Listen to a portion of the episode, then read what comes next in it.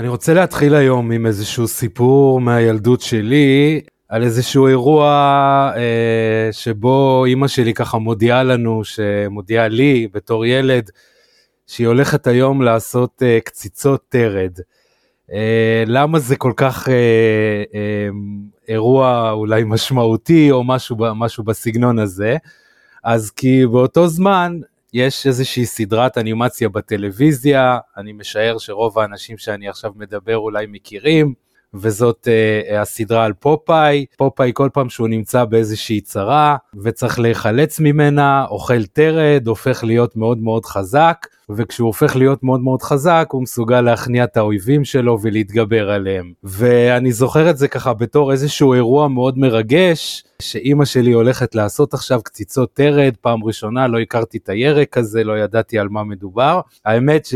זה נגמר בסופו של דבר באכזבה מאוד מאוד גדולה, כי הטעם היה לפחות אה, אז אה, לחך של ילד, ממש ממש לא, אה, לא טעים, אבל בכל אופן ההילה הזאת מסביב לטרד, לפחות מה שהייתה קיימת אז אצלי כילד, הייתה הילה כזאת של אם אתה רוצה להיות חזק, אז בוא תאכל טרד. רגע לפני שאנחנו ממשיכים, קודם כל ברוכים הבאים לפרק 19 של הפודקאסט מולד הלבנה. אני אווירות, אני מאסטר ב-NLP, מטפל בהתמכרויות כבר 18 שנה. אחרי שסיימתי את הלימודים של ה-NLP וקיבלתי זווית שונה אה, לטיפול וליכולת שלנו בעצם לפתור בעיות, הבנתי שצריכה להיות איזושהי דרך אחרת, חייבת להיות דרך אחרת, ומה שעשיתי זה שבמהלך התקופה שבאה אחר כך, ראיינתי אה, עשרות אנשים שנגמלו מסמים, מאלכוהול, מהימורים או מכל התמכרות אחרת בכוחות עצמם, ורציתי לבדוק בעצם מה הם עשו, מהו המודל שאם נבנה אותו בצורה נכונה, אפשר יהיה להגיע לטיפול שהוא בדרך הפשוטה ביותר והמהירה ביותר. ואת כל זה בסופו של דבר גיבשתי באמת לכדי תהליך שאותו אני מעביר בקליניקה שלי, ואת הרעיונות, המסרים, אני מדבר עליהם כאן בפודקאסט הזה. כשהתייחסתי קודם ודיברתי על, ה, על, על אותו טרד ועל המשמעות שאני בתור ילד נתתי לו, כיוון שהייתה סדרה בטלוויזיה שכל כך פערה אותו, כולנו יודעים שטרד זה אוכל בריא ושיש בו ברזל, אבל הוא עוד לא הופך אף אחד שאכל שלוש קציצות או קופסת שימורים של טרד לאיזשהו אה, גיבור על. בסביבות 1930 כשמדברים על טיפול בהתמכרויות ועל הדרך להיפטר מהם, בארצות הברית ברוקר בבורסה בשם ביל ווילסון שנגמל מאלכוהול ו- וחשב, הבין שיש לו איזושהי דרך שהוא רוצה להפיץ אותה, כתב תוכנית שנקראת 12 צעדים. אחד הדברים באמת שהוא עושה שם שבעיניי עושים עוול אה, לטיפול בהתמכרויות והופכים אותו למאוד קשה, זה היה להעניש באלף את האלכוהול. פשוט כשאני אומר להעניש אני מתכוון פשוט לתת לו תכונות אנושיות. הוא, הוא מתבטא בספר הגדול של אלכוהוליסטים אנונימיים, אה, יש משפט שם שאומר זכרו שאנו עוסקים באלכוהול מבלבל, ערמומי ורב עוצמה. אה, זאת דוגמה אחת. Uh, בהמשך כשהם כתבו את 12 הצעדים אז, אז הצעד הראשון מדבר על חוסר אונים מול סמים, על חוסר אונים של המכור מול האלכוהול, זאת אומרת מעניק לאלכוהול תכונות שלא נמצאות, שאין לו אותם באמת. ואני לאט לאט אסביר קצת יותר למה אני מתכוון, כאשר אבל אנחנו בעצם מענישים, או מענישים באלף כמובן, נותנים לאלכוהול את התכונות האלה, אנחנו בעצם משדרים איזשהו מסר כלפי עצמנו, ובטח כשזה נוגע לאנשים שמגיעים לתהליכים או לטיפול או לקבוצות תמיכה, שמדובר פה במשהו שהוא כל כך חזק וכל כך עוצמתי, שאם רק אנחנו נחשף אליו, הוא יתפוס אותנו, הוא יפיל אותנו, הוא לא ייתן לנו לצאת מזה, עד כדי באמת אפילו זה לא רק האנשה, זה אפילו איזה סוג של דמוניזציה שגורמת לאנשים בעצם לפחד אפילו מאלכוהול, או מסם או מכל התנהגות אחרת ונותנים לו בעצם את הכוח הזה. ואז בעצם זה הופך את התהליך אם אני חסר אונים מול האלכוהול או אם האלכוהול הוא כזה חזק ומבלבל, אז בעצם מה הכוח שלי להיפטר ממנו ואיך אני בעצם אוכל לעשות את זה. עכשיו, כשאנחנו מדברים בסופו של דבר אנחנו אנחנו מדברים על חומר או על התנהגות מסוימת כאשר ו, וכאן אני רוצה אה, להמחיש את, ה, את התפיסה שלי לגבי, לגבי הנושא הזה ובתפיסה שלי ערך או הכוח שאני נותן לחומר זה בעצם הוא זה, סליחה, אני, אני, אני אה, אומר את זה במילים אחרות, הכוח שיש לחומר הוא בעצם הכוח שאני נתתי לחומר הספציפי הזה. הוא לא כוח שבעצם נמצא בחומר. אם תפרקו את האלכוהול למרכיבים, אני לא כימאי ואני לא מומחה גדול בתחום הזה, אבל אתם תגלו, מדובר פה בסוכר שעבר התססה, שהפך לאלכוהול. נכון, יש לו השפעה על, על, על הגוף שלי, אנחנו יודעים שכשאנחנו שותים אלכוהול, יש לזה השפעה על הגוף שלנו. כשאנחנו מעשנים או משתמשים בסם מסוג מסוים, יש לו השפעה על הגוף שלנו, אבל זה בסך הכל ההשפעה המולקולרית או הכימית שהוא משפיע לנו על המוח, ולא משהו שהוא מעבר לזה, הוא לא מבלבל, הוא לא ערמומי והוא לא רב עוצמה. עכשיו זה לא חייב להיות דוופא חומר, זה יכול להיות גם התנהגות מסוימת, ואני אתן את זה בעוד איזושהי דוגמה. קונרד לורנס שזכה בפרס נובל אם אני לא טועה על היותו חוקר התנהגות, אה, מספר סיפור, הוא אה, כדי לחקור התנהגויות של בני אדם ושל בעלי חיים, בעצם היה גר באיזושהי חווה מוקף בבעלי חיים, והוא פשוט הרבה פעמים תצפת עליהם ועשה איזה שהם אה, ניסויים מסוימים כדי לבדוק איך חיות מתנהגות במצבים מסוימים. בכל בעלי החיים הייתה לו אווזה אה, שהיא הייתה ממש כמו חיית מחמד, כמו כלב חתול, גרה אצלו בתוך הבית. בערב הוא היה פותח לה את הדלת, היא הייתה נכנסת פנימה, עולה במדרגות אל החדר שלו שהיה בקומה השנייה, והולכת שמה לישון. יום אחד מרוב שהוא היה עסוק, הוא שכח לפתוח לה את הדלת, והאווזה הסתובבה ככה מאוד מאוד עצבנית ליד הדלת, אה, לא כל כך רגילה לסיטואציה הזאת שלא פותחים לה את הדלת, שהיא לא יכולה להיכנס פנימה, כנראה שגם לא הצליחה לישון בחוץ. בשלב מסוים כשהוא נזכר, הוא ירד למטה ופתח לה את הדלת, היא עמדה ליד הדלת, והיא רצה את כל גרם המדרגות עד לקומה השנייה, ובמקום להיכנס כרגיל כמו שהיא הייתה עושה, לשכב וללכת לישון, היא התחילה להסתובב בחדר בצורה מאוד עצבנית. הוא הסתכל עליה כדי לראות, עוד פעם, זו, זה היה המקצוע שלו, זה היה התפקיד שלו, לראות מה קרה לה, למה היא לא הולכת לישון הפעם כמו שהיא הלכה לישון כרגיל.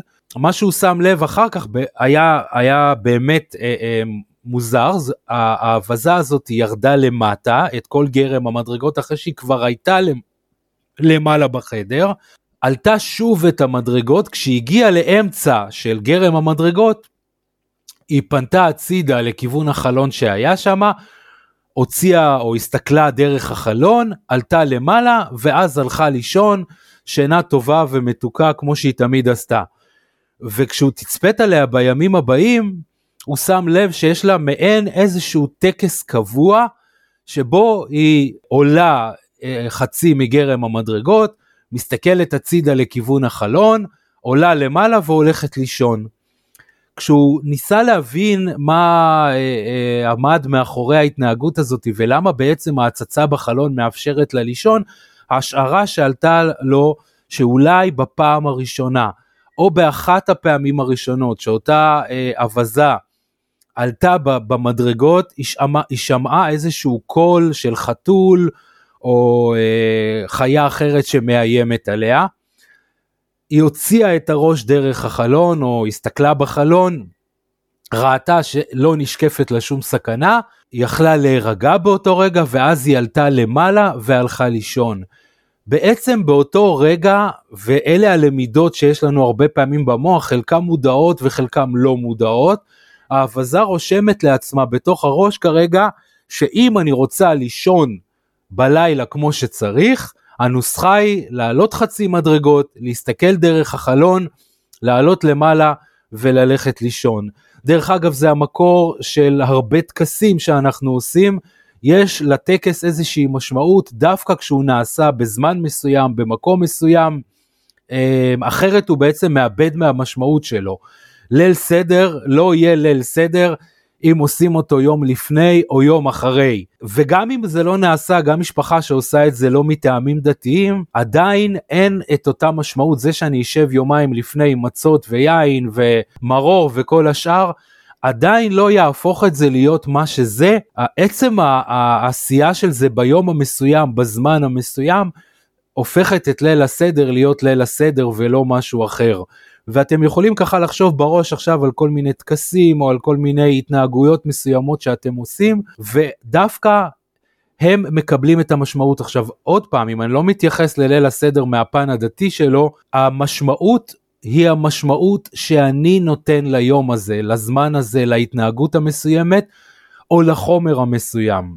בסופו של דבר יהיה מה שיהפוך גמילה מההתמכרות לכל כך קשה. הערך שאני נתתי להתנהגות או לחומר היא זאת שבעצם ת, תגרום לזה שיהיה לי מאוד קשה להתיר את הקשר הזה ו- ולהפסיק את ההתנהגות הזאת. אני אסביר את זה באמת בכמה, בכמה אה, אה, דוגמאות.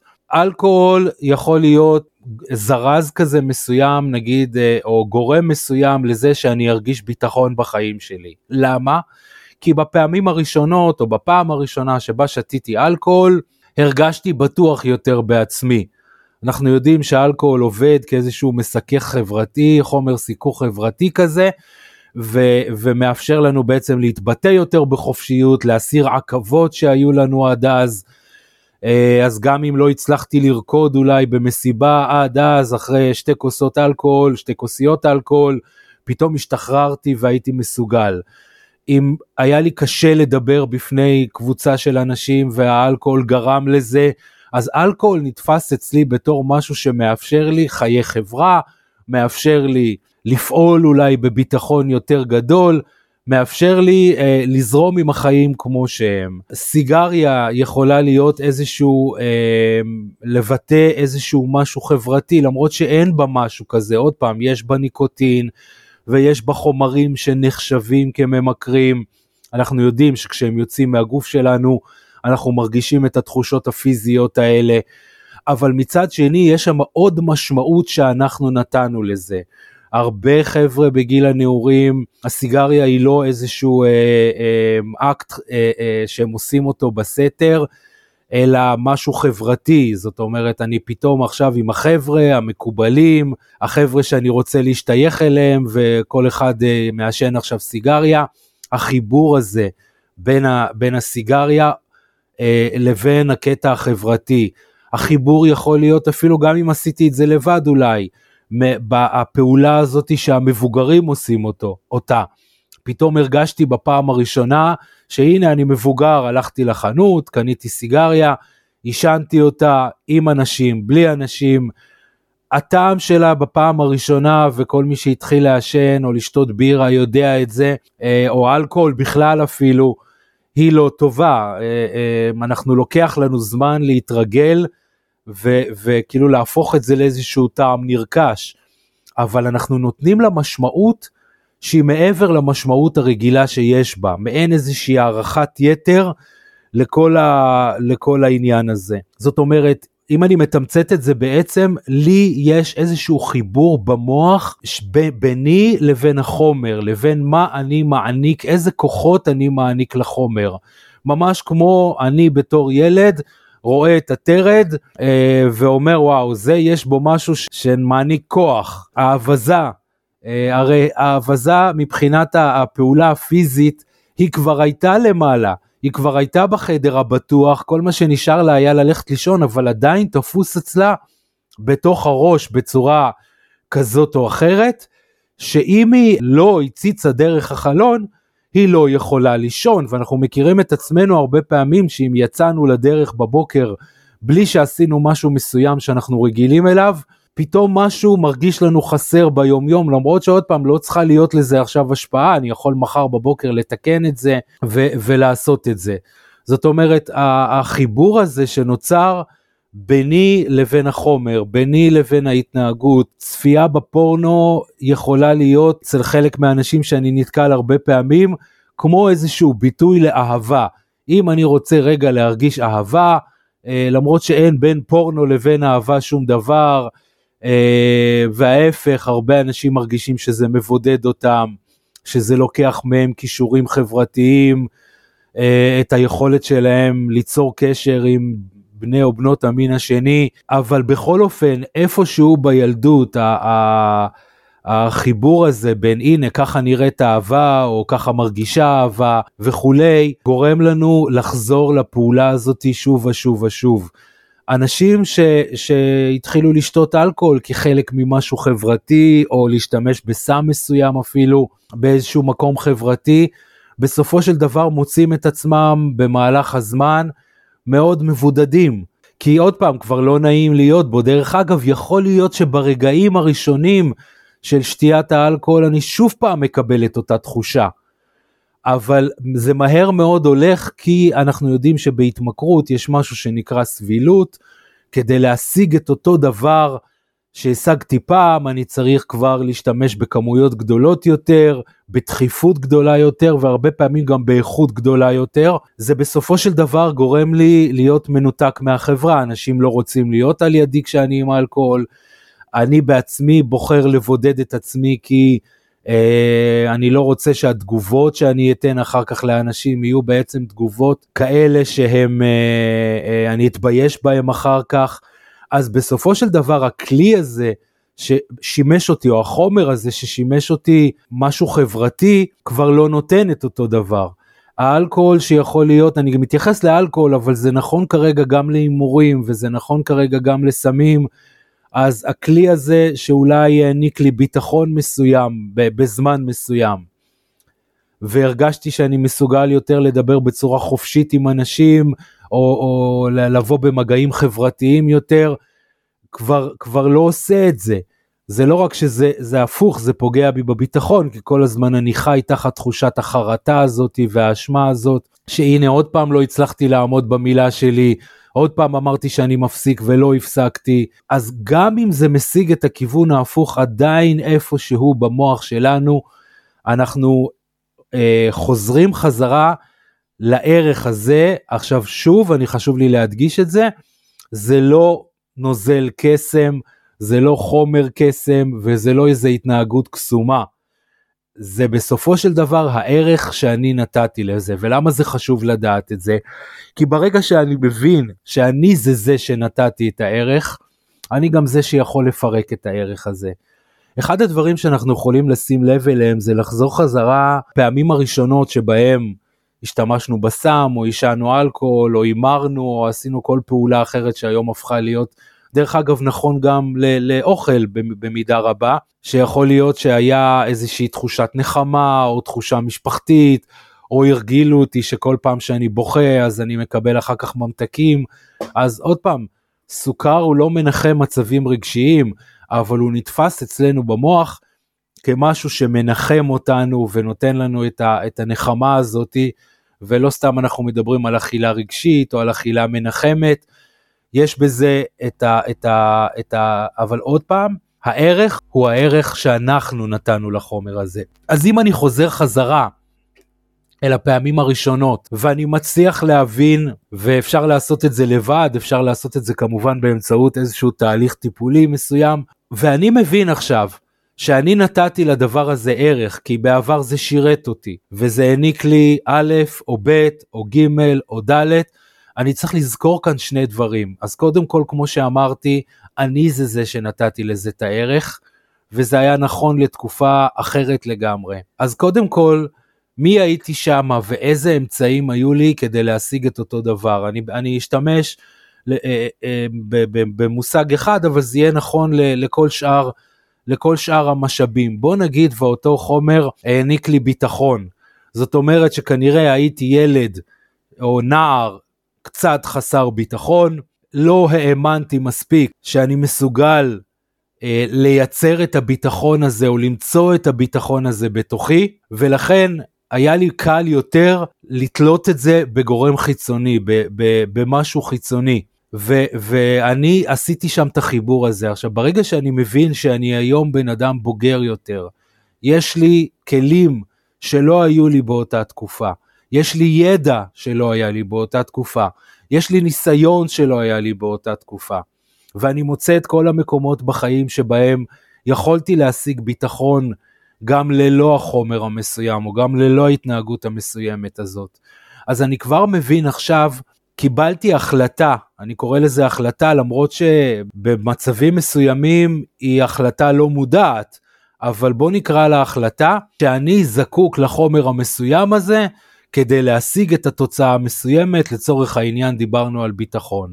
זאת אומרת שאם אני ארצה בחיים להמשיך להרגיש ביטחון, אני אצטרך כל הזמן לחזור לאותו חומר מסוים ולקחת אותו כדי להרגיש או כדי לבסס בתוכי את תחושת הביטחון הזאת. כשאני יודע היום שאני בן אדם בוגר יותר, יש לי ידע יותר גדול ממה שהיה לי באותה תקופה, יש לי ניסיון, השגתי אותו במהלך השנים, ואני יודע לפרום כרגע את הקשר הזה, אני יכול במידה הרבה יותר גדולה להיפרד מה, מה, מה, מהדבר הזה, מה, מהחומר הזה או מההתנהגות הזאת. זאת אומרת, אם אני מבין כרגע, ויש אנשים שיצא לי להיתקל בזה, שהפחד שלהם מלהישאר בלי סיגריות לדוגמה, הוא פחד מלהישאר לבד.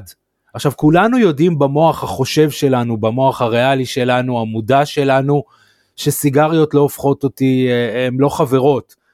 אבל עדיין באיזשהו מקום אה, זה נתפס אצלי במוח, אבל כשאני יודע שאז הדרך היחידה להתחבר עם החברים שלי הייתה דרך הסיגריות כי כולם עישנו.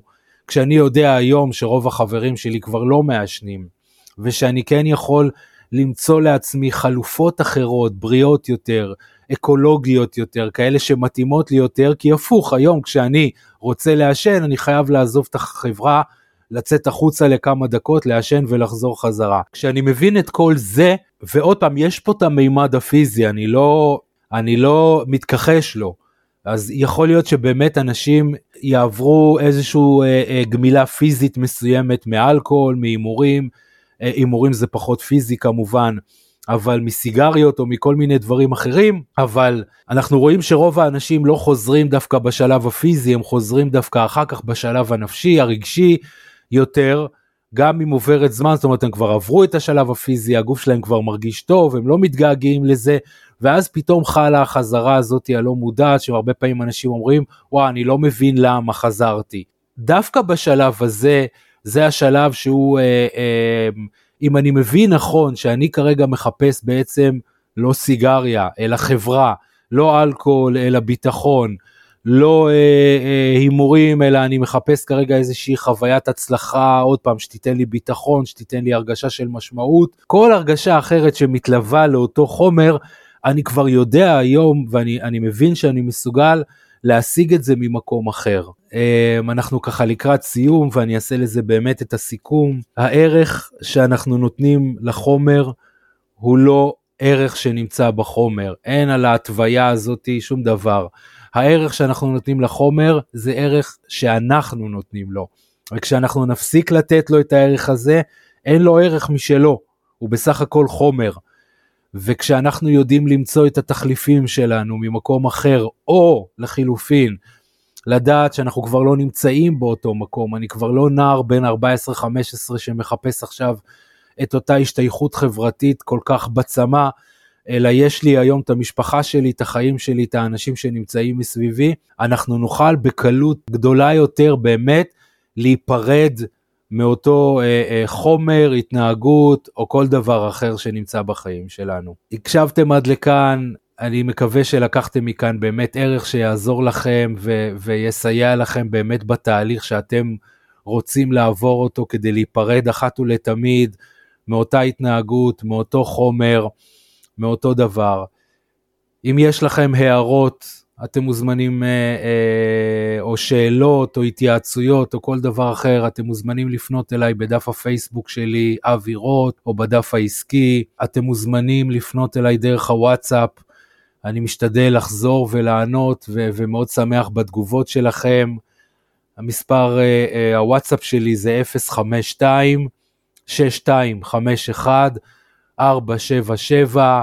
שוב, אני מאמין ואני מקווה שלקחתם ערך היום מהפרק הזה, ולהתראות בפרק הבא של אה, פודקאסט מולד הלבנה.